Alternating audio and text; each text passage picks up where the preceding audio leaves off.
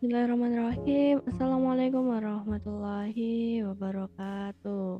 Halo, apa kabar teman-teman semua di mana pun anda berada? Semoga teman-teman semua dalam keadaan sehat walafiat. Amin, amin ya robbal alamin. Uh, baiklah teman-teman semua di kesempatan kali ini mungkin saya akan mencoba ya mereview ataupun mengulas buku buku non-fiksi ya yang ditulisnya oleh pijar psikologi. Adapun judul bukunya yang belum usai kenapa manusia punya luka batin?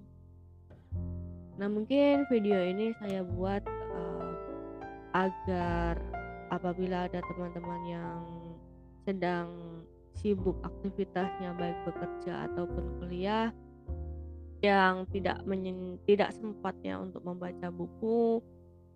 Mungkin apabila video ini ada di beranda teman-teman semua mungkin video ini uh, untuk anda ya. Oke. Okay. uh, eh, saya mencoba untuk mereview buku atau mengulas buku ini karena buku ini menurut saya menarik ya setelah saya direkomendasikan ataupun disarankan oleh teman-teman komunitas saya uh, untuk membaca buku ini ketika saya sedang mengalami masa-masa uh, dihadapkan suatu masalah yang di mana saya saat itu tidak dapat menyelesaikan masalah dan itu membuat saya agak sedikit terganggu ya masalah tersebut. Uh, baik untuk aktivitas sehari-hari karena terpikir terus-menerus sehingga saya direkomendasikan buku ini.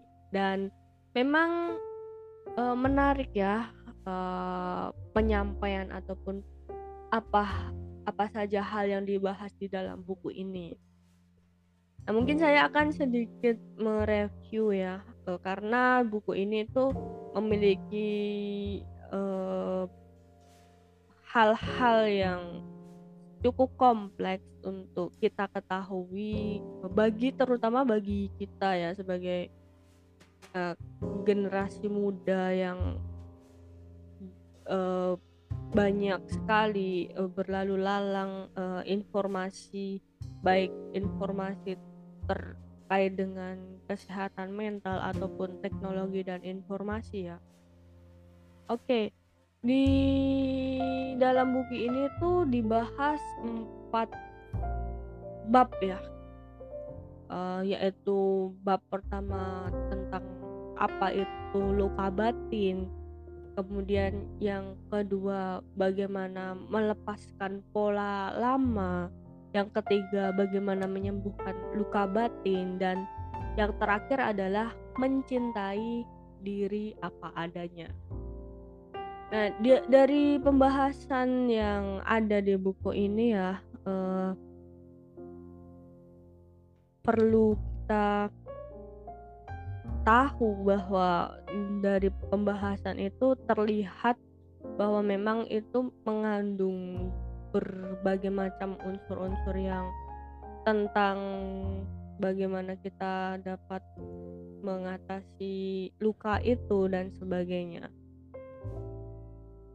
Nah, uh, di dalam masyarakat ya bahwasanya uh, kurangnya kita untuk dapat mengetahui dan mungkin di pelajaran sekolah kita tidak pernah diberitahu ya bahwa setiap emosi itu ternyata memiliki nama yang pada akhirnya akan menimbulkan luka dan luka tersebut itu tidak pernah kita sembuhkan melainkan hanya dialihkan.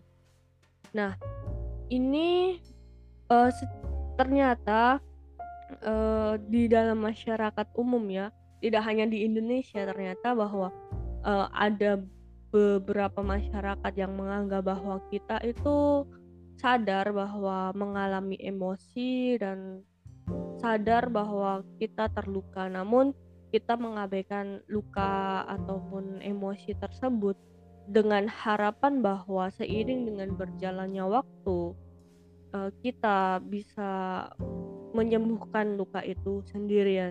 Dan pada akhirnya di suatu ketika kita mendapatkan suatu peristiwa tertentu sehingga kita mengu apa, menimbulkan luka lama ya, menumbuhkan luka lama, kemudian luka lama itu muncul kembali, kita beranggapan bahwa, eee, kenapa kita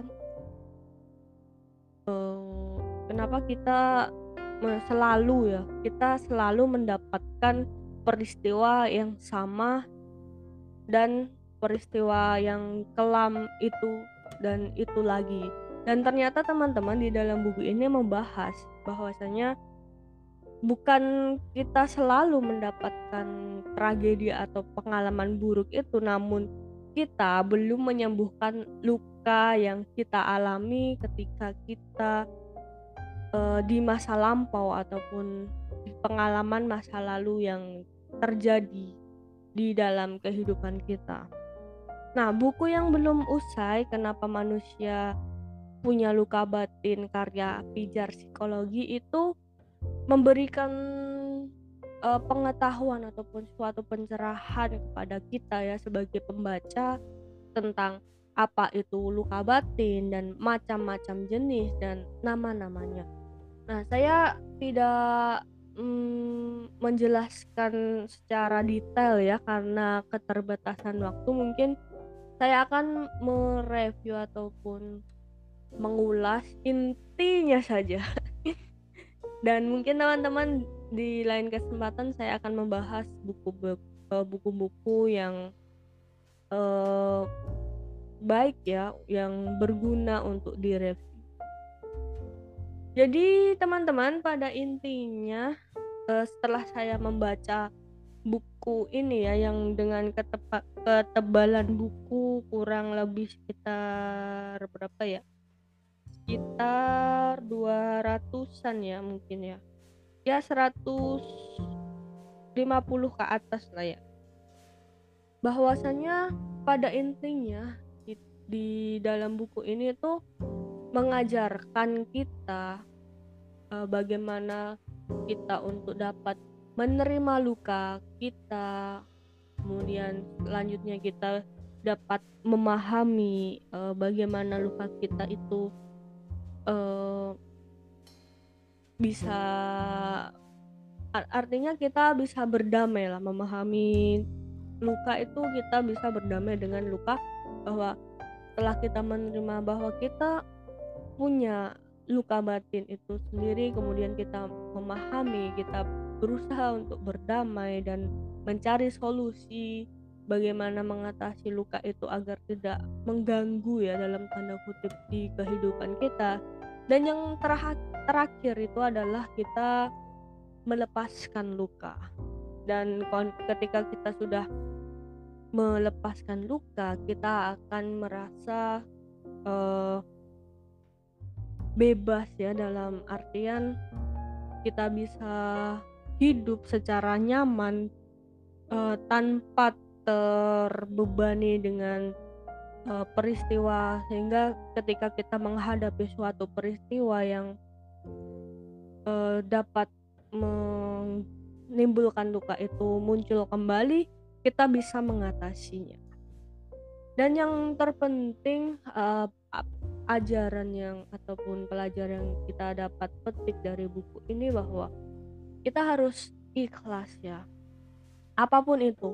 Di dalam buku ini mengajarkan bahwa kita harus, eee, menerima ya, memberikan cinta kasih kepada siapa pun. Baik itu kita memberikan cinta kita kepada binatang misalnya, binatang peliharaan dan, eee, kemudian kita harus cinta kasih kepada orang-orang dan hal itu akan menimbulkan, eee, en eee, energi ya, energi positif dalam tubuh kita sehingga mencegah terjadinya pemikiran atau pikiran-pikiran yang negatif.